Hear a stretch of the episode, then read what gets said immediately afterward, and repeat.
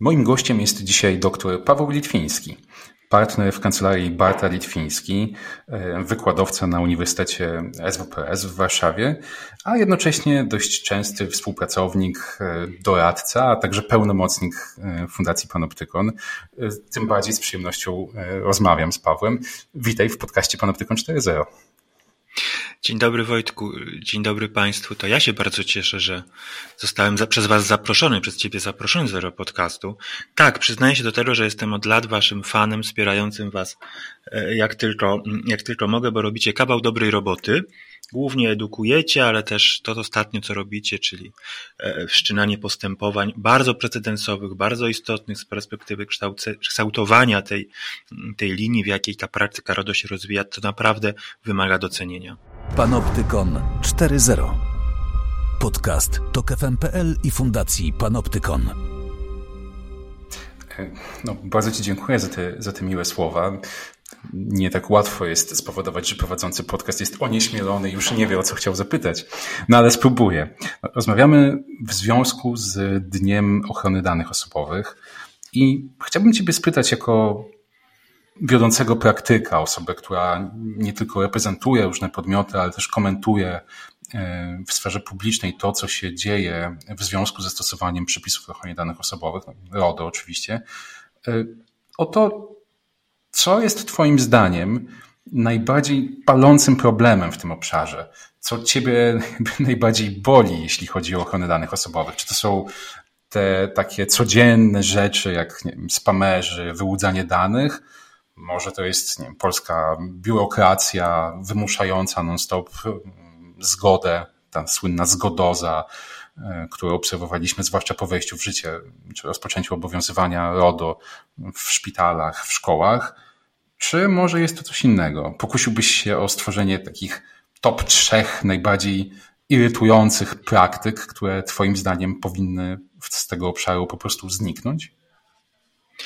Spróbuję. Na pewno, mm, na pewno wskazałbym dwie takie najważniejsze, najbardziej irytujące praktyki. I rzeczywiście na pierwszym miejscu postawiłbym coś, co nazwałeś zgodozą, a tak naprawdę Mm, ta zgodoza, czyli takie, taka wszechobecność tych zgód na przetwarzanie danych, to jest element pewnej szerszej bolączki. Ja to roboczo określam mianem papierologii RODO. To znaczy, to jest moim zdaniem element mm, myślenia pod tytułem albo mam podpis, albo mam dowód na jakąś okoliczność, albo mam problem. Mm, poddawanie zgód do podpisu, poddawanie checkboxów do kliknięcia, ale też praktyka polegająca na przykład na tym, że przekazuję jakąś informację, po czym zbieram dowód na to, że ten ktoś tą informację dostał, czyli chcę zwrotnej kartki z podpisem.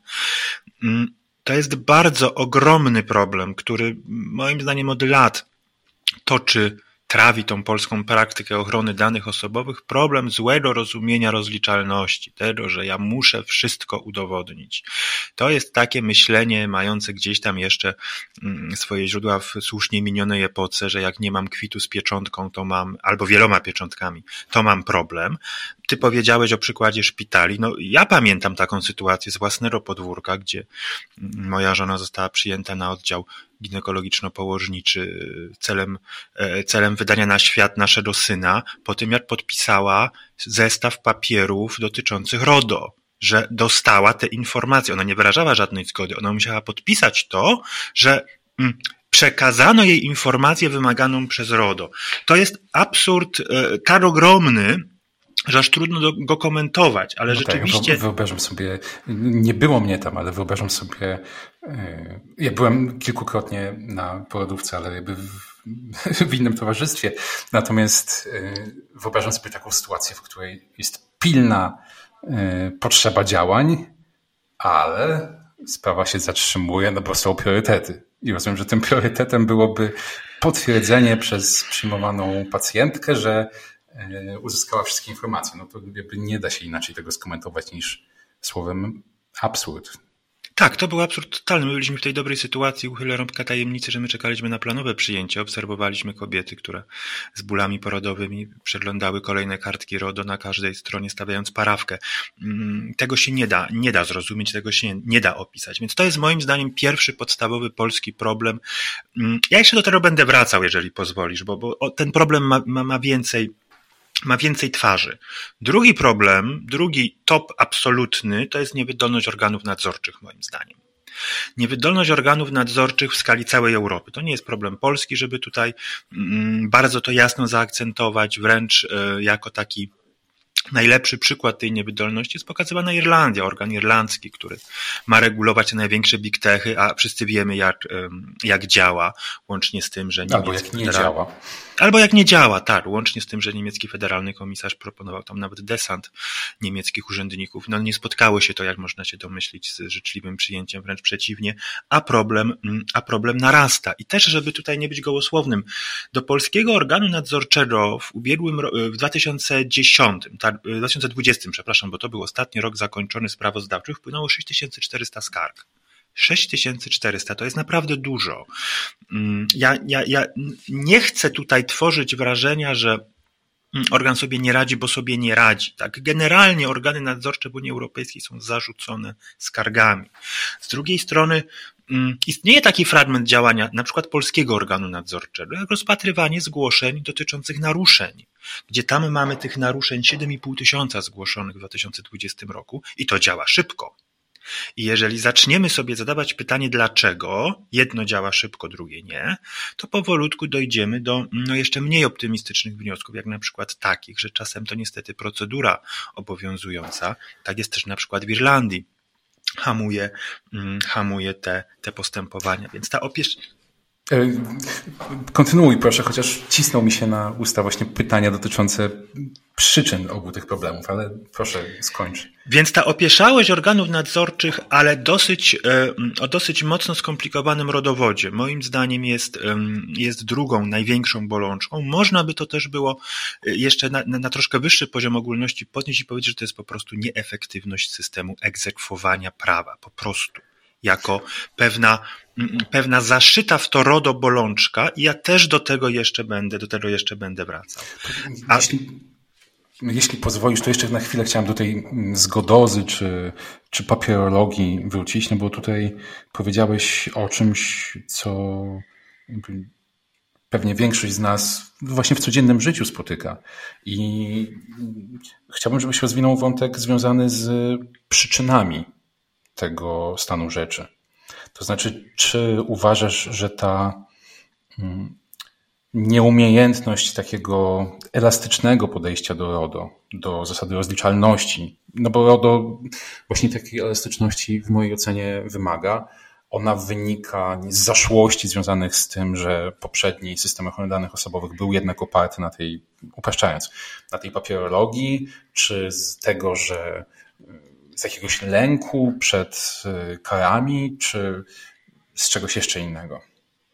Ona wynika z bardzo wielu powodów. To jest bardzo złożony problem. Pierwszy problem to jest rzeczywiście problem historyczny. To, że my przez prawie 20 lat funkcjonowaliśmy w rzeczywistości prawnej, w której było rozporządzenie, rozporządzenie wykonawcze do polskiej ustawy. Ono mówiło, co trzeba mieć.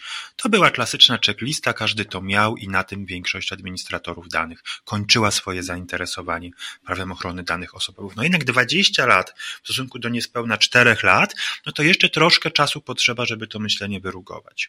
Drugi problem to jest problem, który ja też sobie gdzieś tutaj, bo szanowni słuchacze, no to, to nie jest tak, że mówimy z głowy, czyli z niczego. Przygotowaliśmy się do tej rozmowy. Drugi problem, który ja, ja wiem, sobie że Paweł jest pełnomocnikiem i, i profesjonalistą w każdym celu. Tak, e, cztery strony notatek. Drugi problem, który sobie, który się składa na ten nieefektywny nieefektywny model funkcjonowania RODO, to są, ja to określam mianem fasadowych wdrożeń. To znaczy, e, przychodzi klient, ma bardzo ograniczony budżet i bardzo ograniczone chęci zrobienia czegokolwiek, najchętniej chce kupić gotowe wzory dokumentacji. Gotowe wzory, no czego można kupić wzory? No tych Zgód, tak? Przecież nie, nie przeora się myślenia klienta, jeżeli on chce kupić tylko gotowca w postaci gotowej, gotowego papiera, papieru, kawałka gotowego papieru, który sobie gdzieś tam użyje. Mm, kończy się całe wdrożenie RODO właśnie na tych papierach, bo to jest najprostsze, w związku z czym mamy to, co mamy, czyli jeżeli nastąpi na przykład atak e, ransomware czy inny incydent, no to dane lecą, tak? Bo ten back office nie jest przygotowany, ale w stosunku frontem do klienta mamy 550 zgód, klauzul i innych dokumentów, tak? Mm, jest jeszcze trzeci problem. Jest jeszcze trzeci problem, mianowicie mm, problem wynikający z bardzo trudnej i niejasnej redakcji niektórych przepisów RODO. Do takich przepisów należy y, artykuł 5 ustęp 2, czyli zasada rozliczalności i problem polegający na tym, że mm, my nie ufamy organom nadzorczym. My nie ufamy temu, że jeżeli pokażemy na przykład procedurę informowania, patrz ten mój szpital ginekologiczno-położniczy, to organ nam uwierzy, że poinformowaliśmy każdą pacjentkę. Mm, te trzy elementy, tak, czyli czyli pewne zaszłości, czyli ta fasadowość wdrożenia i to, że my nie ufamy sobie nawzajem i organowi, powodują, że otaczamy się z wszelkich możliwych stron wszelkimi możliwymi dokumentami, niestety w dużej liczbie przypadków na tym kończąc nasze zainteresowanie no, praktyką ochrony danych w organizacji. A to jest błąd. I to jeszcze dodatkowe pytanie, które mi się znowu tutaj nasunęło, czy te problemy właśnie tej papierologii, braku zaufania, do organu, to jest wyłącznie polska specyfika, czy Twoja obserwacja jest, czy możesz mm, jakby pokusić się o takie stwierdzenie, że te problemy związane z implementacją, stosowaniem RODO są bardziej uniwersalne, oczywiście w obszarze Unii Europejskiej? Mam wrażenie, że problemy są dużo bardziej uniwersalne. One wynikają. Yy w dużej mierze z tego, że temu rodu, temu aktowi prawnemu pod tytułem RODO nadano formę prawną rozporządzenia.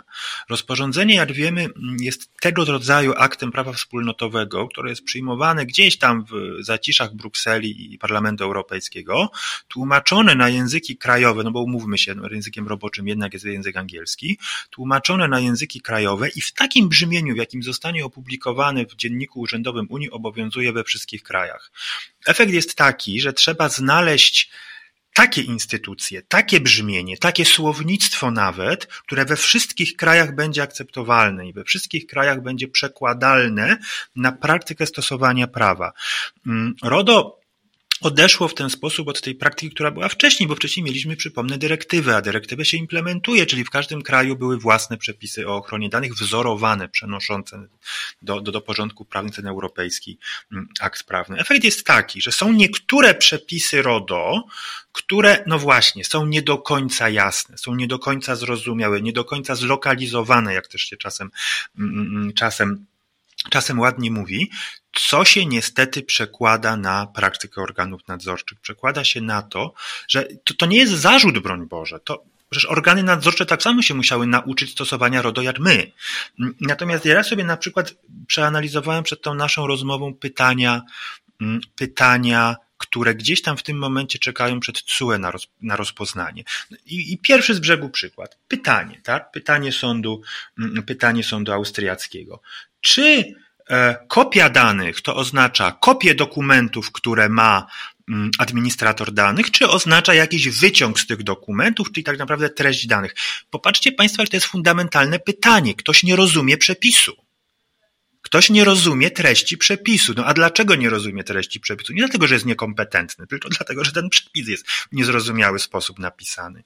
Pewnie będziemy wracać do przykładu mm, waszej Mm, wasze, waszej skargi dotyczącej profili marketingowych. No, dlaczego to tak działa, a nie inaczej? Dlatego, że przepis wprowadzający obowiązek tak zwanego privacy by design, czyli projektowania procesów przetwarzania danych tak, żeby tam od początku uwzględniać prywatność, jest napisany tak, że z niego nic nie wynika z tego przepisu. Czy czytać od początku z jednej strony do drugiej, czy odwrotnie, ten przepis nie ma żadnej normatywnej dyspozycji. Rozumiem, że jakby to zmierzasz ku takiej tezie, że RODO się jakby zapełnia dopiero treścią. I, Dokładnie i, tak. I że 4 lata to jeszcze mało. Faktycznie jeszcze. Również wynotowałem sobie taki, taki, taki nie do końca śmieszny fakt, a on, ten fakt brzmi następująco. W Polsce jeszcze nie zapadł żaden prawomocny w sensie rozpoznania przez NSA, nie w sensie nie wniesienia skargi kasacyjnej, w sensie rozpoznania przez NSA wyrok w sprawie kary nałożonej przez, yy, przez organ nadzorczy na podstawie RODO. Mamy czwarty rok, tak, dobrze mówię, czwarty rok no, się no chyba to wychodzi tak? za chwilę. Stosowania. Tak. Ja za, zawsze terminy liczę na palcach. 19, no 2018, tak? Tak, mamy czwarty rok tak. i nie ma żadnej sprawy e, z, dotyczącej kary rozpatrzonej przez NSA. To też pokazuje, w którym miejscu jesteśmy. No to przypomnę waszą... Treścią, tak? że to, że to musi Dokładnie, potrwać. a przypomnę waszą słynną grę dotyczącą dostępu do informacji. Polecam szczerze Państwu, gdzie jest Będzie taki fragment. W razie pod, pod, pod naszym podcastem link do tej gry. Tam jest taki fragment pod tytułem wracasz na, na start, tak? A tak, ta ten gra fragment jest skonstruowana na zasadzie mm, znanej Państwu z eurobiznesu, tego typu gier, że się chodzi tak w kółko i tam różne pola, różne skutki wywołują. Tak, i rzeczywiście jest dochodzenie do punktu, gdzie jest naczelny sąd administracyjny, na osi czasu zajmujące dwa, trzy lata, no bo to jeszcze organ. No i tam jest możliwość zagrania jeszcze raz. To teraz sobie Państwo wyobraźcie, co się stanie, jeżeli w tym roku, wiele na to wskazuje, będą pierwsze skargi rozpatrzone przez NSA i NSA dojdzie na przykład do wniosku, że uchyli wyrok Wojewódzkiego Sądu Administracyjnego i wrócimy mm, z tą sprawą na punkt wyj- do punktu wyjścia, tak? Będą kolejne dwa czy trzy lata i my dalej nie wypełnimy tego RODO treścią. Przy czym? Tu znowu nam się te wątki zapętlają. Dlaczego mamy tą zgodozę i klauzulozę? Również dlatego, że to są te fragmenty RODO, których treść jest precyzyjna. Są takie przepisy, na przykład artykuł 13, 14, gdzie jest po prostu wyliczanka punkt po punkcie, co temu e, biednemu Kowalskiemu trzeba powiedzieć. No, tu, tu nie ma specjalnie dyskusji. Jak jest adres, to jest adres. Jak jest nazwa, to jest nazwa. Jak prawa, to są prawa. Mm, I to są te przepisy, które się po prostu da wykonać. Wiemy, jak je wykonać. A są właśnie takie przepisy, co do których mm, my tak naprawdę nie wiemy, co z nich wynika. Ja mam takie poczucie, że ta, to, o czym teraz mówisz, no to jest jakby perspektywa taka, która, z którą często zderza się, czy spotyka ten podmiot danych, no bo chcemy, żeby ktoś, że od nas jest wymagane, żebyśmy coś podpisali, albo tym, tym podobne sytuacje. Jest ta perspektywa no, organu, który, który ma trudność w interpretacji, a jednocześnie w poradzeniu sobie z setkami skarg. Natomiast y, ja bym chciał jeszcze wrócić na chwilę do tego drugiego wątku, o którym powiedziałeś, jako jednego z dwóch największych problemów z zastosowaniem RODO, czyli niewydolności organów, nie tylko w Polsce. I chciałem tutaj spytać Ciebie o konsekwencje tego stanu, stanu rzeczy. No bo z jednej strony to, o czym mówiłeś przed chwilą, wyobrażam sobie, że jestem prezesem firmy, na którą nałożono karę, no i jakby fakt tego, że muszę mieć zamrożone gdzieś tam środki na to, żeby tą karę zapłacić i muszę czekać trzy lata, aż NSA się tym zajmie i być może jeszcze sprawa wróci do początku, no to jest y, z biznesowego punktu widzenia e, no, co najmniej niekorzystne. Natomiast y, co powiesz o takiej obserwacji, którą my tutaj w Panoptykonie chyba mamy mm, dość uwspólnioną, powszechną. To znaczy to, że, mm, y, że niewydolność DPA-ów, organów ochrony danych osobowych, dostrzegli nie tylko aktywiści, nie tylko same organy, które przecież mówią o tym, ale także administratorzy. Także mm, wielkie, wielkie firmy, które przetwarzają masę danych osobowych. I chciałem, zmierzam do takiego pytania, czy nie dostrzegasz pewnego rozdźwięku pomiędzy tym, że mm, część podmiotów wie, że postępuje niezgodnie z RODO, ale jednocześnie ze względu na tą niewydolność, długotrwałość postępowań, po prostu w modelu biznesowym wpisują sobie, OK, to przez trzy lata jeszcze podziałam niezgodnie z RODO, bo z jakichś innych względów mi się to opłaca. Czy widzisz taką... To, to może zabrzmieć trywialnie to, co powiem, od czego zacznę, ale Mm, no, obserwacje, tego typu obserwacje mają już wiele, wiele setek lat. Mm, sankcja jest wtedy efektywna, nie wtedy, jeżeli jest nie wiadomo jak wielka ta sankcja, tylko wtedy, jeżeli jest e, niechybna, niezwłoczna, jeżeli jest szybka i jeżeli w ogóle ta sankcja się pojawia. W przypadku RODO my mm, przez mniej więcej dwa lata podbijaliśmy, mówię my, bo każdy z nas w tym uczestniczył, tak? To nie jest tak, że ja tutaj nagle urwałem się z choinki i, mm, i będę jakaś tabula rasa udawał, że, że, że, że, że po raz pierwszy widzę te problemy. Nie. Wszyscy uczestniczyliśmy w podbijaniu bębenka i ten bębenek RODO był podbijany głównie przy wykorzystaniu wysokości kar. Tymczasem Dokładnie ta obserwacja, którą powiedziałeś, prowadzi do wniosku, że tak naprawdę mm, to nie chodzi o wysokość kar, to chodzi o wydolność organów nadzorczych, bo niech ta sankcja będzie miała wysokość tysiąca, dwóch czy trzech tysięcy złotych nałożonych na niewielki podmiot, to dla niego będzie doletliwe, ale niech ona będzie nałożona szybko. Tu zawsze przypomina mi się przykład czeskiego organu nadzorczego jeszcze sprzed czasów RODO, który po prostu przychodził, kontrolował, wypisywał mandat przy użyciu bloczka, takiego jak u nas Sanepid, nie wiem, czy Państwowa Inspekcja Pracy i wręczał i koniec, tak? To funkcjonowało od razu natychmiast i od razu natychmiast i, i na miejscu. Więc na pewno wydolność organów nadzorczych ma ogromne znaczenie i ja podam przykład znowu Polski, bo ten nam chyba jest naj, najbliższy. Zetknijmy sobie dwie rzeczywistości. Rzeczywistość dotycząca zgłaszania naruszeń i rzeczywistość dotycząca innych przypadków niezgodności przetwarzania z prawem.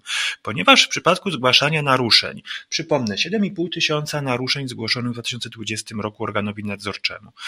E, Procedury są szybkie, bo tak naprawdę procedur nie ma. Tam nie ma KPA, tam nie ma procedur. Organ dzwoni, mailuje, pisze, robi co chce. E, no to ta rzeczywistość w Polsce działa. My obserwujemy przez te lata nawet już pewien taki, pewną taką kulturę po stronie administratorów danych postępowania w przypadku naruszeń. Te, te sytuacje, w których to się zamiata pod dywan, stają się coraz za, rzadsze. A z drugiej strony, ponieważ w przypadku tych innych naruszeń to trwa latami, to efekt jest właśnie taki czasem, jak powiedziałeś, to znaczy wkalkulowane ryzyko. Wkalkulowane ryzyko w biznes, że mm, to, co teraz robię, być może się rypnie, mówiąc kolokwialnie, za 3-5 lat albo w ogóle się to nigdy nie nie wyda i nie, i nie będziemy mieli tutaj problemów z Urzędem Ochrony Danych Osobowych. Przykład idzie z góry, przykład idzie z dużych korporacji, no to jak funkcjonują podmioty Mm, nie będę wymieniał, bo, bo wszyscy wiedzą o kogo chodzi. Nie chcę tu robić reklamy ani antyreklamy. Podmioty e, globalne, mające w Europie siedzibę, na Europę siedzibę w Irlandii, tak, to, to pokazuje, ile lat czasem można pewne, pewne kwestie przewlekać. A, a bardzo często okazuje się, że po tych latach problem się rozwiązuje w sposób naturalny, bo technologia idzie bardzo do przodu. Przykładem może być choćby ubiegłotygodniowa decyzja austriackiego organu nadzorczego w sprawie, w sprawie Google Analytics, tak? No tak, właśnie. Gdzie... Cieszę się, że ją poruszasz, bo chciałem cię o to spytać gdzie decyzja została wydana w stosunku do e, tego systemu Google Analytics, który funkcjonował w momencie wydawania decyzji, prawda? W tym momencie rozwiązania techniczne na tyle się zmieniły, że najprawdopodobniej e, taka decyzja już by nie mogła zostać wydana. Wprowadzono tego typu rozwiązania na czele z anonimizacją tych wszystkich, z możliwością anonimizacji tych wszystkich danych przekazywanych gdzieś tam e, do chmury do chmury Myślę, Google'owej, że najprawdopodobniej... Przepraszam, że ci wszedłem w słowo. Myślę, że tutaj możemy jakby... Mm, jesteśmy winni słuchaczom jedno zdanie wytłumaczenia, mm, o co chodzi, bo to jest sprawa, w której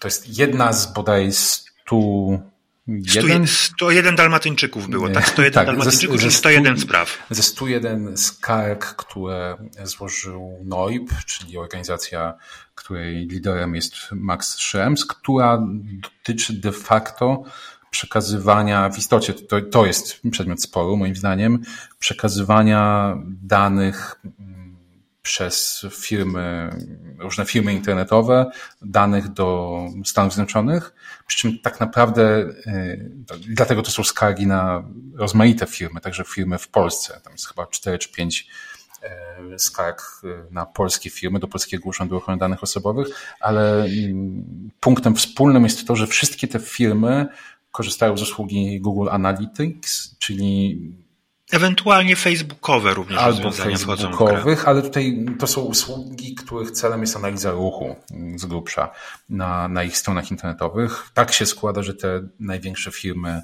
Google i Meta e, świadczą, świadczą te usługi i, i jakby są w tym dość popularne.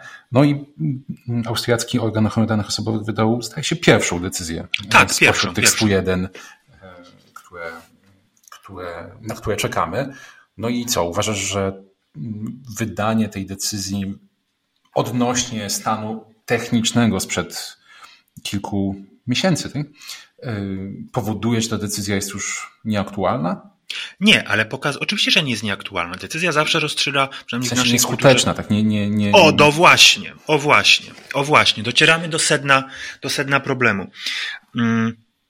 Wyścig pomiędzy technologią a prawem zawsze przez prawo będzie przegrany. Prawo zawsze, e, prawo zawsze nie nadąża za technologią. Przyjmując RODO, e, spróbowano przeciwdziałać temu, mm, temu zjawisku, kształtując przepisy RODO jako neutralne technologicznie, czyli jako takie przepisy, które niezależnie od tego, jaka będzie technologia, będą pozwalały właśnie w konkretny sposób ukształtować tę sytuację prawną nas wszystkich, prawda? I w konkretny sposób mm, odtworzyć obowiązki, które z tego RODO wynikają. Czy to wyszło, czy nie, to odpowiedzieliśmy już sobie przed chwilą, tak? Że w zakresie prostych rozwiązań wyszło, w zakresie tych mm, bardziej ambitnych nie do końca się udało. Wypełniamy to treścią. Natomiast e, przykład mm, tego sporu, który Max Schrems e, zainicjował, no już będzie za chwilę z 10 lat, kiedy ten serial trwa, bo przecież pierwszy wyrok to był chyba 2015, prawda? Schrems jedynka. Tak. Potem 2015. Tak, potem przecież musiało się zacząć parę lat wcześniej, więc myślę, że 10 lat już to wszystko trwa. Przykład tego sporu pokazuje właśnie dokładnie ten wyścig prawa i technologii, kiedy i jeszcze polityki do tego wszystkiego. To są te trzy zmienne, które się tu pojawiają. Prawo, technologia i polityka. Kiedy zaskarżana jest jakieś konkretne rozwiązanie techniczne, po kilku latach, nawet jeżeli to rozwiązanie jeszcze istnieje, bo istnieje siłą inercji albo dlatego, że e, będziemy kontynuować, aż nam ktoś nie zabroni, prawda? To jest znowu to, o czym rozmawialiśmy przed chwilą. Mm, rozwiązanie jest kwestionowane, pojawiają się politycy, trzeci element układanki, przyjmują kolejne rozwiązanie, które jest tym poprzednim, ale tylko troszkę przypudrowanym i znowu serial zaczyna się od nowa, prawda? E, I na ten serial, no, umówmy się, prawo, jeżeli chcemy zachować pewną sprawiedliwość proceduralną, to nie może być akt stosowania prawa trwający dzień czy dwa. To musi potrwać jakiś, e, to musi zająć jakiś, jakiś konkretny czas. I Ale... ten czas jest wykorzystywany właśnie przez te dwa, dwa czynniki. Technologię i politykę. Albo technologia wymiera i wchodzi nowa. Patrz te rozwiązania e, Google Analytics, które moim zdaniem po prostu spowodują, że trzeba będzie znów wrócić do oceny prawnej tego, tego rozwiązania i będziemy się kręcić w kółko, albo politycy przyjmują kolejne rozwiązanie, które znów powoduje, że znowu trzeba wrócić do poprzedniego i znowu zaczynamy się kręcić. Ten, ten wyścig pomiędzy prawem a technologią ja też obserwuję w innych obszarach, w których Panoptykon jest aktywny, no chociażby głośno jego teraz e, Pegasusa, gdzie pytanie, które unosi się, takie prawne związane z tą aferą, e, które się nad nią unosi, to jest to, na ile przepisy regulujące funkcjonowanie służb mogą powinny przewidzieć taki rozwój technologiczny, który pozwoli służbom kontrolować kogoś nie za pośrednictwem podsłuchu e, założonego u operatora telekomunikacyjnego, ale za pośrednictwem tak zaawansowanych technologii jak Pegasus. Ale to tylko na marginesie.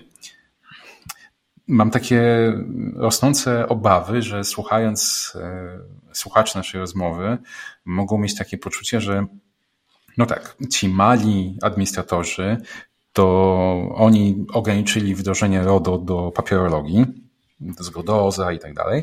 Ci duzi to swój model biznesowy, we w swój model biznesowy wkalkulowali jakieś ryzyko, ale potrafią przedłużyć proces, y, więc ich wdrożenie też jest y, no, pozorne, albo wdrożyli tylko tam, gdzie, gdzie to nie, nie wiązało się z dużymi kosztami. No, A wychodząc z takiego założenia, że jednak fajnie by było, gdyby dane osobowe były w należyty sposób chronione, myślę, że to jest założenie, które i my dwaj, i, i nasi słuchacze mogą jakoś tam podzielić, zadaję sobie takie pytanie, albo zadam je tobie, bo w sumie sam nie umiem na nie odpowiedzieć.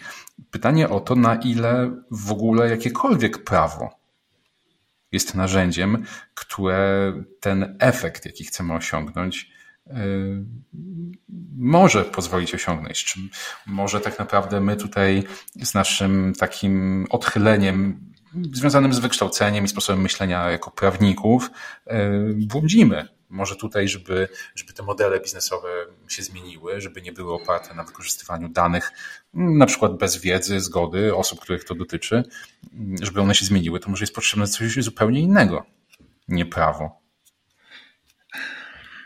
Nastała cisza, tak? Mm. Prawo jest potrzebne, bo prawo albo będzie katalizatorem pewnych zmian, albo te zmiany wymusi.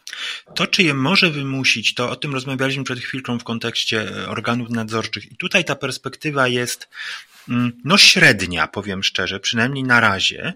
Natomiast e, prawo jako katalizator pewnych zmian mm, opiera się o nas wszystkich. Opiera się o to, jakie my mamy prawa, jaką my mamy świadomość, jaką my mamy wiedzę. Opiera się o to, co wy robicie. Przecież wy tak naprawdę organizacje tego typu jak, jak wasza, one są obecne w innych krajach europejskich również, w jakiś, w jakiś sposób zastępują organy nadzorcze również. Do czego ja zmierzam? Zmierzam do tego, że mm, w tym ciemnym obrazie, który jak do tej pory kreujemy, e, trzeba też wskazać pewne, pewne pozytywne aspekty, i pierwszym pozytywnym aspektem moim zdaniem jest to, że my w ogóle o tym rozmawiamy, że temat ochrony danych, ochrony prywatności, prawa do ochrony danych osobowych przebił się do mainstreamu. Ja mówiłem o tym podbijaniu bębenka RODO przez te dwa lata i z całą świadomością tego, jakie tam popełniliśmy wszyscy błędy, ale jednak przybicie do mainstreamu było mm, czymś, czego nie możemy nie docenić. E, po drugie, RODO jednak dało nam wszystkim pewne narzędzia. I to, że to się przebiło do mainstreamu, to, że my o tym mówimy, powoduje, że mamy te mm, tysiące, te 6,5 tysiąca prawie skarg, prawda? Bo my staliśmy się bardziej aktywni jako obywatele. I to jest niewątpliwie zasługa, mm, zasługa przepisów. No i przechodząc do próby odpowiedzi na Twoje pytanie, prawo może zmienić rzeczywistość, zmieniając myślenie. Zmieniając myślenie nasze jako konsumentów, jako usługobiorców i przekładając tą zmianę myślenia nas, ty, tego, tego końca, prawda, tych, tych, tych biorców usług, na mm, myślenie tych, którzy te usługi świadczą, właśnie dlatego, że my powinniśmy się stać bardziej wrażliwi na pewne kwestie. Problem polega na tym, że przy masowości, e, masowości mm, korzystania z usług, takich jak na przykład darmowe, celowo akcentuję usługi poczty elektronicznej, darmowe chmury, nie wiadomo gdzie. Przy masowości korzystania z tego typu usług, przebicie się do świadomości, pokazanie tym osobom, że nie ma darmowych maili, nie ma darmowych kont w mediach społecznościowych, tak jak nie ma darmowych lunchy, nie ma darmowych chmur, gdzie możemy wrzucać nasze zdjęcia, które będą w 100% bezpieczne i nikt nie będzie miał możliwości do nich dostępu. Nie ma takich tworów, nie ma. To wszystko jest w jakimś stopniu, mniejszym lub większym, na naszej prywatności. Przebicie się z tą świadomością w dużej mierze jest możliwe dzięki RODO, ale to jeszcze wymaga czasu. I w ten sposób być może zmienimy, odpowiadając znowu na Twoje pytanie, prawnik klasyczny mówił 6 minut, nie odpowiedział na pytanie, być może w ten sposób doprowadzimy do zmiany e, zachowania po stronie administratorów danych osobowych. Ja nie widzę specjalnie innej możliwości. Jestem bardzo sceptyczny, tylko jeszcze jedno zdanie powiem co do tego, że tą, e, tą zmianę zachowania się wyindukuje karami i, i regulacją. Bo moim zdaniem tego się nie zrobi. Tylko i wyłącznie świadoma, e, świadome korzystanie z usług i wymuszanie pewnych zmian na, na dostawcach może moim zdaniem być efektywne. No, rzeczywiście odpowiadałeś dość długo na to pytanie, natomiast nie byłeś w 100% klasycznym prawnikiem, bo nie powiedziałeś, że to zależy. E, ale, ale to też trochę zależy, to też trochę zależy, bo, Dobrze. Mm, bo, bo, bo, bo wiesz, bo wiesz, bo...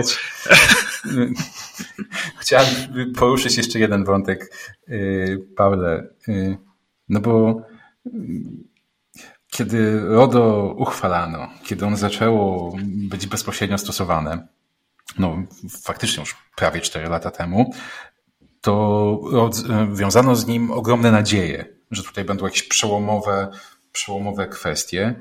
I tak chciałem Cię spytać, może trochę odnosząc się do tych czterech kartek, y, na których masz swoje notatki, jakich Twoim zdaniem problemów, może stworzysz ich listę, y, RODO, mimo jakiejś obietnicy y, sprzed tych kilku lat, nie rozwiązało?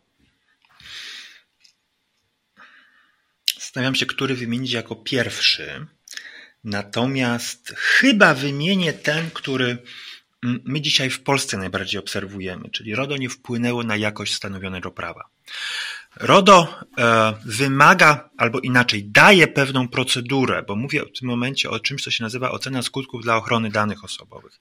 Daje pewną procedurę, którą można, powinno się stosować w procesie legislacyjnym po to, żeby stanowione prawo było lepsze z perspektywy prawa podstawowego do ochrony danych osobowych. W Polsce w zasadzie z tego rozwiązania się nie stosuje, tego rozwiązania się nie stosuje. Nie pisze się praw, prawo pisze się pod konkretną potrzebę, czy rynkową, czy polityczną, czy inną społeczną. Nie pisze się prawa z perspektywy poszanowania prawa do ochrony danych osobowych. To bardzo duży problem i tutaj moim zdaniem mamy na całej linii klęska, jeżeli chodzi o przepisy. A czy ta klęska wynika tylko z, tak chciałem dopytać, bo to jest bardzo interesujące, co powiedziałeś, czy ta klęska wynika tylko z złych działań, już tak upraszczając, po stronie prawodawców, ministerstw, parlamentu, czy tutaj Twoim zdaniem e, no, organ mógłby w jakimś większym stopniu wykazać się aktywnością?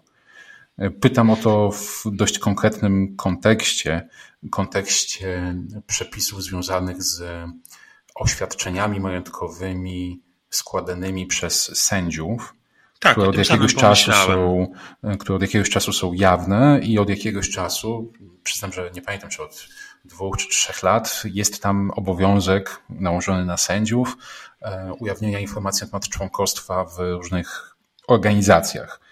E, i tu w, przed Naczelnym Sądem Administracyjnym trwa sprawa, w której z inicjatywy Rzecznika Praw Obywatelskich, który jakby kwestionuje brak aktywności w tym obszarze po stronie Urzędu Ochrony Danych Osobowych. Czyli właśnie, czy tylko politycy, czy tutaj jest Twoim zdaniem jakieś zaniedbanie, czy brak wystarczającej aktywności po stronie urzędu? Moim zdaniem jest też, jest też brak aktywności po stronie urzędu, bo to znów, znów, znów wracamy do, do tego wątku, który cały czas się przewija, do, do, do, do wątku e, skuteczności egzekucji pewnych, e, pewnych, pewnych przepisów. Tylko znów, przepisy RODO akurat w tym zakresie napisane są mm, nie chcę powiedzieć, nie chciałem powiedzieć pokrętnie, ale chyba powiem, na tyle pokrętnie i niejasno, że cała ta procedura się gdzieś rozmywa w tym, w tym, w tym szarym cieniu, które te, szarym cieniu mgły, które te przepisy, e, te przepisy nam, nam rzucają. A żart, żarty odkładając na bok. Oczywiście, że organ nadzorczy powinien interweniować. Powinien interweniować mm, i powinien korzystać z tej możliwości, którą ma na gruncie RODO, to znaczy po prostu powinien blokować pewne operacje przetwarzania danych osobowych. To są bardzo często spektakularne akcje, że przypomnę to, co się stało bodajże w ubiegłym tygodniu, czy przed dwoma tygodniami na poziomie europejskim, gdzie Europejski e, Inspektor Ochrony Danych Osobowych nakazał Europolowi usunięcie, ja już nie wiem ilu tera, czy, czy, innych petabajtów danych zebranych przez lata i da się to zrobić, tak? Da się to zrobić. To nie jest tak, że, że te organy są, są bezsilne. Bezbrone, więc, tak. Tak, tak, mają, mają narzędzia i powinny z tych narzędzi i powinny z tych narzędzi korzystać. Więc akurat w tym przypadku, o którym ty mówisz, ewidentnie w procesie legislacyjnym powinna być zrobiona ocena skutków dla ochrony danych osobowych. Ona nie została zrobiona. W momencie, w którym te przepisy zaczęły być stosowane, organ nadzorczy powinien, moim zdaniem, zastosować swoje uprawnienia z artykułu tam 58 bodajże RODO i ocenić czy ta podstawa przetwarzania danych, czy ten obowiązek, który wynika z polskiego prawa, jest zgodny z, jest zgodny z prawem, z prawem no, Unii okay. Europejskiej. To jeszcze wracam w takim razie do tych nierozwiązanych problemów, bo legislacja jest na pewno punktem pierwszym i tutaj przykładów nie brakuje, no bo podałem przykład tych oświadczeń sędziowskich, no jest też procedowane procedowane regulacje związane z tak zwanym rejestrem ciąż, gdzie na naszą prośbę przygotowałeś opinię, ale nie wchodźmy już Ale w wiesz, to szczegóły. wymieniasz te gazetowe sprawy, to wymieniasz No. te gazetowe sprawy medialne, a tak naprawdę ta, ta maszynka gdzieś tam w tle cały czas się toczy. No tak, jakby w I- dziennik ustaw jakby pęcznieje z dnia na dzień w bardzo szybkim stopniu, w bardzo szybki sposób, ale to prawo. To jest jeden, jedna Tak. rzecz. e, Drugi, drugi element to jest praktyka. To jest praktyka. Praktyka, obiecałem, że do tego wrócę i wracam. E, Praktyka pod tytułem e, Privacy by Design, czyli wdrażanie rozwiązań. Ja powiem krótko o co chodzi.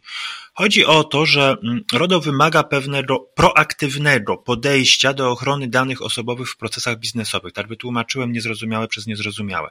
Chodzi o to, że jeżeli projektujemy jakieś rozwiązanie, jakiś produkt czy usługę, którą chcemy wdrożyć, od początku tego procesu projektowania musimy się zastanawiać, jak w tym procesie chronić prywatność dane osobowe, a nie czekać, aż coś się wykrzaczy, mówiąc kolokwialnie, i wtedy dopiero reagować. Czyli podejście proaktywne zamiast podejścia reaktywnego. I mm, moim zdaniem drugą taką bolączką, drugim tym, co się nie udało, to jest przekonanie biznesu do tego, żeby w ten właśnie sposób proaktywny podchodzić do ochrony danych osobowych. Przy czym od razu zastrzegam, znam mnóstwo rozwiązań biznesowych, mnóstwo wielkich korporacji i małych, niewielkich firm, które Privacy by Design stosują.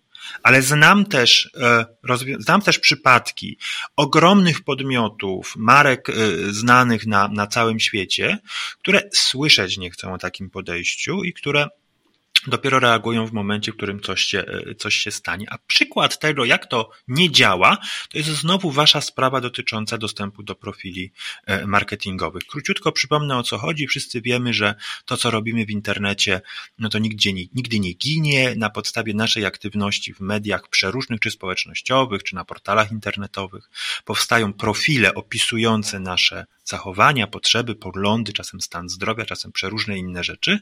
Na podstawie tych profili są dobierane reklamy, które widzimy, czasem też układ treści w portalu internetowym, żeby pokazać tam, wszyscy wiedzą, że istnieje takie miejsce na ekranie komputera, na które najpierw statystycznie użytkownik patrzy i tam właśnie są umieszczane te treści, które zdaniem portalu dla nas będą najistotniejsze, albo dla portalu, na przykład reklama jakiegoś konkretnego podmiotu. Współpracowniczka waszej, waszej fundacji wystąpiła do, do kilku polskich podmiotów, e, portali o, o dostęp do, do swojego profilu. I czego się dowiedziała? Dowiedziała się, że e, ten profil gdzieś jest, bo najprawdopodobniej i na pewno on jest tworzony, ale portal nie da dostępu do tego profilu, bo go nie ma. Tak? Klasyczna, e, klasyczne myślenie, e, myślenie pod tytułem nie mamy pana płaszcza i co pan nam zrobi, które pokazuje co? Pokazuje to, że proces został zaprojektowany mm, zupełnie w oderwaniu od ochrony danych osobowych i od ochrony prywatności. Nikt nie pomyślał, projektując ten proces o tym, żeby umożliwić realizację podstawowego prawa konstytucyjnego par excellence. Tak? To RODO nie potrzeba, konstytucja polska wystarczy. Pod tytułem dostęp do danych osobowych. Na w tak ogromnych procesach biznesowych, przy tak ogromnych graczach rynkowych, privacy by design się po prostu nie przyjęła. Tak? I to jest moim zdaniem drugi taki procesowy, praktyczny, biznesowy e, fragment rzeczywistości, gdzie, gdzie to RODO poniosło klęskę, czyli nie przebicie się tego podstawowego podejścia, uwzględniania ochrony danych na etapie projektowania mm, procesów biznesowych. I jeszcze, jeszcze mam trzy hasła wynotowane, już, już krócej. Wybierz powiem. jedno. Wybierz jedno, dobrze, wybierz jedno. E, bardzo duży problem nadal w wydatkowaniu środków publicznych na ochronę danych osobowych, na wdrażanie rozwiązań z zakresu ochrony danych, bezpieczeństwa teleinformatycznego, zwłaszcza w samorządzie terytorialnym. Tu można by było dużo mówić, nie chcę Państwa zanudzać o tym, jak to ktoś jest e, kadrowym inspektorem BHP, jeszcze dodatkowo zajmuje się ochroną danych osobowych na jedną ósmą etatu, albo jak to są przetargi organizowane przez jakieś duże, mm, duże instytucje, gdzie tam e, mamy na przykład trzy e, trzycyfrową kwotę, tak? Czyli nie wiem, 300, 400, 500, 600, 900 zł miesięcznie za obsługę z zakresu ochrony danych osobowych. Dużo by takich przypadków wymieniać. Powiem to jeszcze raz jednym, mm, jednym zdaniem. Zaniechania po stronie finansowej, jeżeli idzie o, o kwestię bezpieczeństwa teleinformatycznego, głównie niestety w samorządzie terytorialnym. Kiedy mówiłeś o tym przed chwilą, o tym naszych bojach, które no, to Karolina Iwańska, która jest współpracowniczką Panoptykonu, prowadzi w związku z dostępem do swojego profilu, to takie miałem poczucie, że to jest także przykład takiej niespełnionej obietnicy. Obietnicy, którą wydawało się, że RODO daje, a jednak czas leci, a tych profili jakoś, e, jakoś nie widać, a przynajmniej trudno je, trudno je uzyskać. Chociaż być może, i to już powoli zmierzam do końca, mam jeszcze pytanie o to, że może ten przełom to nie jest kwestia rozpoczęcia dnia e, bezpośredniego stosowania, tylko ten przełom może jest jeszcze przed nami. Może to jest tak, że w związku z tym, o czym mówiliśmy przez całą tą rozmowę, że te postępowania trwają, że się wraca do różnych punktów, to może te największe y, rzeczy, które właśnie RODO obiecywało, chociażby większa kontrola użytkowników, podmiotów danych nad swoimi danymi, może one są dopiero na horyzoncie. I w tym kontekście, patrząc też na kalendarz, że jest e, Dzień Ochrony Danych Osobowych, początek roku, chciałem Cię spytać, czy z Twojej perspektywy no, nie wiem, 2022 rok przyniesie jakieś znaczące rozstrzygnięcia, które napełnią to RODO treścią, zrealizują może jakieś obietnice i, i będziemy wtedy mieli takie poczucie, że okej, okay, może to trwało, ale mamy w końcu konkrety. Dwie kwestie. Pierwsza kwestia to y, coś, co nam bardzo często umyka, a mianowicie to, że RODO jest pewnym elementem układanki. To nie jest tak, że nam wmówiono i sami niestety braliśmy w tym udział, wmówiono nam, że przyjdzie RODO i będzie dobrze. Nie. RODO jest elementem pewnej układanki. Na tą układankę składa się jeszcze rozporządzenie i privacy, składa się akt o usługach cyfrowych i składa się problem regulacji platform internetowych. Dopiero razem te rozwiązania mogą efektywnie funkcjonować. Zwłaszcza z perspektywy zwykłego Kowalskiego, który na przykład dostaje spam i się denerwuje, dlaczego on dostaje ten spam. Przecież jest to RODO. Tymczasem e, to nie RODO miało z tym spamem walczyć, prawda? Mm, pewne procesy legislacyjne europejskie się bardzo przeciągnęły. Przypomnę, że przecież i privacy miało być stosowane, rozpoczęcie stosowania razem z RODO i to się niestety nie udało. To się nie udało o, no jak na razie cztery lata, tak? I pytanie o ile jeszcze opóźnienie będzie. Więc po pierwsze liczę na to, że Troszkę się wyklaruje sytuacja, jeżeli idzie o e, te trzy dodatkowe elementy układanki, które dopiero razem mogą efektywnie, efektywnie Z funkcjonować. wszystkich wydaje się, że akt o usługach cyfrowych jest tutaj najbardziej zaawansowany. Kilka dni temu było mhm. głosowanie w parlamencie na jego temat. Na pewno dużo na naszej stronie też możecie Państwo przeczytać, bo to był jeden z tematów, w których bardzo aktywnie, którym bardzo aktywnie się zajmowaliśmy. Zachęcam. Będzie link. Druga, druga kwestia, no to są, to jest to wypełnianie rodotreścią, o czym mówiliśmy. Mm, też wynotowałem sobie wiele, wiele przykładów. Nie chcę też znowu tutaj e, Państwa zanudzać. Powiem, wymienię tylko jeden, jeden przykład. Mm, przykład pewnej konwergencji regulacyjnej. O co mi chodzi? Chodzi mi o to, że mm, coraz częściej jest tak, że mm, ochrona, zapewnienie efektywnej ochrony danych osobowych wykracza poza ramy, e, poza ramy RODO i poza ramy tych regulatorów, których mm, tradycyjnie utożsamiamy właśnie z ochroną prywatności i zaczyna obejmować też ochronę konkurencji coraz więcej spraw, coraz więcej postępowań. To taki pierwszy podstawowy przykład, który przychodzi, to sytuacja niemiecka, gdzie w Niemczech niemiecki organ antymonopolowy zakwestionował pewne praktyki e, Facebooka, obecnie Meta. Mm, sprawa oczywiście dotarła do TSUE i być może w tym roku dowiemy się, na ile regulacyjnie jest możliwe właśnie takie łączenie z jednej strony ochrony danych, z drugiej strony e, prawa konkurencji. Przypomnę, że o ile organy ochrony danych osobowych mają być niezależne i Poza pewnymi wyjątkami Bruksela stara się tej niezależności bronić, o tyle organy, konkuren- y, organy mm, antymonopolowe z definicji są zależne i realizują politykę, e, politykę antymonopolową, politykę konsumencką e, rządów, e, rządów krajowych. Więc to jest fundamentalna kwestia z perspektywy tego, jak te przepisy będą, będą stosowane. Ta konwergencja regulacyjna, tak? dane osobowe, to przenikanie się. My z każdym rokiem idziemy coraz wyżej w tej w tej piramidzie i nagle się, bo nagle się okazało przecież, że ochrona danych już nie wystarczy, żeby efektywnie e, chronić prawo do ochrony danych osobowych. Gdzieś tam się pojawia też kwestia ochrony konkurencji. Czyli no myślę, że też pierwsze... konkurencji i konsumentów. Tak, no bo tak dokładnie, konkurencji i konsumentów. podmiotami tak. danych i konsumentami jednocześnie. Ale też na przykład manipulacje dużych podmiotów e, z wykorzystaniem danych, które posiadają na szkodę ich konkurentów, prawda? Wykorzystanie danych osobowych nas po to, żeby jedna platforma szkodziła drugiej platformie i żeby, e, i żeby własną pozycję e, w sposób nieuczciwy, e, nieuczciwy budowała. No dobrze, ale to, to postępowanie dotyczące mety prowadzone przez niemiecki odpowiednik naszego Łokiku, no to jest jakby, rozumiem, jedna, jedna z rzeczy, które mogą się jakoś zakończyć. Rozumiem, tutaj postępowanie przed CUE trwa w Tak, tak. Postępowanie trwa około półtora roku, więc to jest taka perspektywa, że być może się skończą. Może się skończyć, e, może się skończyć na przykład e, postępowanie, też bardzo istotne, między innymi dlatego, co ty robisz osobiście, twojego zaangażowania, postępowanie w sprawie pytania sądu węgierskiego. Na ile, mm, na ile E, wystąpienie na drogę przed sądem cywilnym blokuje organ ochrony danych i vice versa. Przypomnę Państwu, że, że RODO dało możliwość taką, żeby występować ze skargami nie tylko do mm, do organu ochrony danych, ale także do sądu, bezpośrednio do sądu. I mój tutaj szanowny y, prowadzący to nasze spotkanie wystąpił właśnie w takim trybie w związku z tak zwanymi wyborami kopertowymi, prawda? No tak, to, to Problem prawda. polega na tym, że polskie przepisy, że polskie przepisy bardzo mocno faworyzują w tym kontekście organ ochrony danych osobowych, który no, ma bardzo, znacznie mocniejszą pozycję w takim przypadku, łącznie z możliwością przejęcia sprawy. I sprawa została dostrzeżona.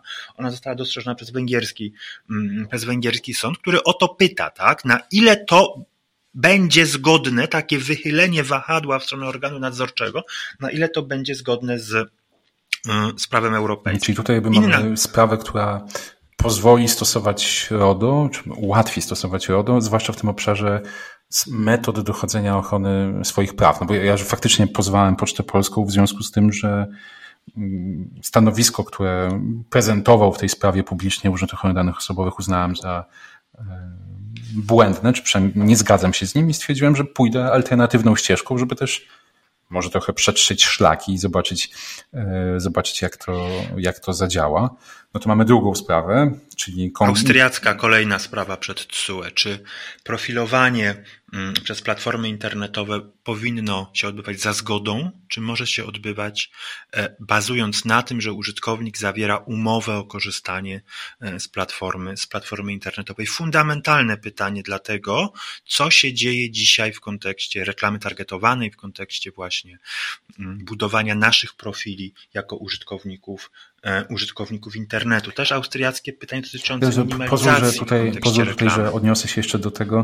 E, myślę, że ja sam mam jedno, jedno postępowanie, które być może się skończy w tym roku, a wiele na to, wiele na to wskazuje i jest związane z e, profilowaniem, reklamą behawioralną. To, są, to jest postępowanie, które jest zainicjowane między innymi naszą skargą na IAB dotyczący profili behawioralnych i ich udostępniania tak zwanych E, giełd reklam. I tutaj jakby mamy jakieś sygnały dotyczące tego, że przynajmniej decyzja mm, belgijskiego organu ochrony danych osobowych będzie w najbliższych być może nawet tygodniach, jeśli nie miesiącach e, podjęta i ona też może mieć takie systemowe e, duże znaczenie.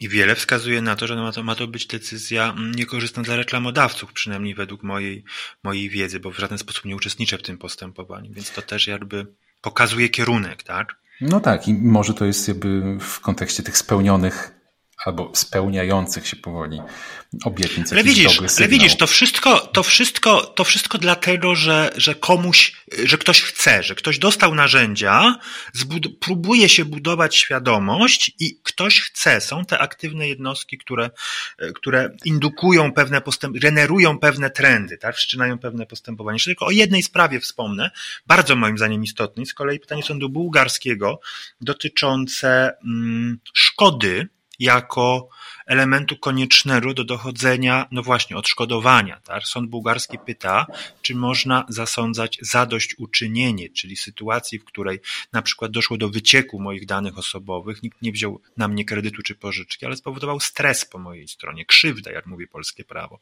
Czy to już uzasadnia zasądzenie dla mnie zadośćuczynienia, czy muszę mm, poczekać, aż ktoś tą pożyczkę weźmie, doznać szkody i dopiero wtedy, dopiero wtedy mogę dochodzić. Zdaje się, że polskie sądy w jakichś precedensowych sprawach dotyczących. Proszę. Chciałem to powiedzieć, tak, że, żebyście Państwo, e, e, to, to akurat nie było między nami uzgadniane, żebyście Państwo e, też nie, nie odnieśli wrażenia, że ja tutaj pomijam polskie sądy. Otóż nie, nie było do tej pory żadnego pytania prejudycjalnego ze strony Ale nie, ja chciałem z kolei powiedzieć o tym, że A, to przepraszam. o wyroku jednego z sądów powszechnych tutaj w Polsce, który właśnie zdaje się, że na podstawie, znaczy rozpatrując pozew, przyznał a teraz się zastanawiam, czy mogę użyć słowa odszkodowanie. No, nie, zadośćuczynienie. Tam nie było szkody. Tam nie było szkody. Tak, nie było szkody, ale przyznał zadośćuczynienie yy, powódce, której dane wyciekły w związku z jakimś postępowaniem ubezpieczeniowym. No, ale to już... Mm, niemieckie sądy również przyznają, Czyli wskazuje to na to, że ta ścieżka sądowa mm -hmm, może być skuteczna. Ale widzisz, to pokazuje niezrozumienie przepisów. To pokazuje niezrozumienie przepisów. Jeżeli, nie wiem, 20 krajów Unii rozumie przepisy w określony sposób, zawsze znajdzie się jeden, który rozumie je inaczej albo ich nie rozumie. To jest ten problem, o którym też wspominaliśmy, czyli to rozporządzenie, ten język, ta nie do końca przemyślana, nie do końca jasna, klarowna formuła e, rozwiązań, które tam są wprowadzone. Pawle, myślę, że na tym, w tym miejscu będziemy kończyć, bo e, moglibyśmy pewnie jeszcze bardzo długo rozmawiać o tych mm, konkretnych precedensowych sprawach, mam wrażenie, że to napełnianie treścią, ono faktycznie cały czas się będzie działo i będzie nas e, w różnym, różnych punktach e, cały czas zajmować, a także jako panoptykon będziemy w niektórych miejscach sami aktywnie działali po to, żeby tę treść e, wlać do RODO. Mówiłeś na przykład o kwestiach związanych z obietnicą bezpłatności czy darmowości usług. Tutaj też mamy jakieś postępowanie, w którym jakby chcemy, chcemy pokazać, że no to nie jest w porządku, żeby użytkownik, użytkowniczka byli w ten sposób nakłaniani do, do wyrażenia zgody na przetwarzanie ich danych osobowych, no bo ta bezpłatność jest, e, ma tylko wymiar gotówkowy. Dokładnie. Płacimy nie tylko w pieniądzu. Ochronodanowy jest zupełnie, zupełnie inny. W związku z tym na pewno będziemy jeszcze o tym pisać, mówić i jestem pewien, że będziemy o tym mówić nie tylko jako panoptykon, ale też w różnych konstelacjach e, z Pawła, e, Twoją Pawle pomocą e, czy wsparciem, za które zawsze jesteśmy bardzo wdzięczni. No a tymczasem bardzo Ci dziękuję, że przyjąłeś zaproszenie do naszego podcastu i poświęciłeś nam czas. To był podcast Panoptykon 4.0, a żegna się z Państwem Wojciech Klicki. Dziękuję. Technologie i człowiek. Człowiek i technologie. Gdzie na tym styku czekają na nas zagrożenia? Jak korzystać z technologii, by na nich skorzystać? Jak kontrolować, kto gromadzi o nas informacje i do czego ich używa? Z ekspertami i praktykami rozmawia Wojciech Klicki. Panoptykon 4.0 Podcast to KFM.pl i Fundacji Panoptykon.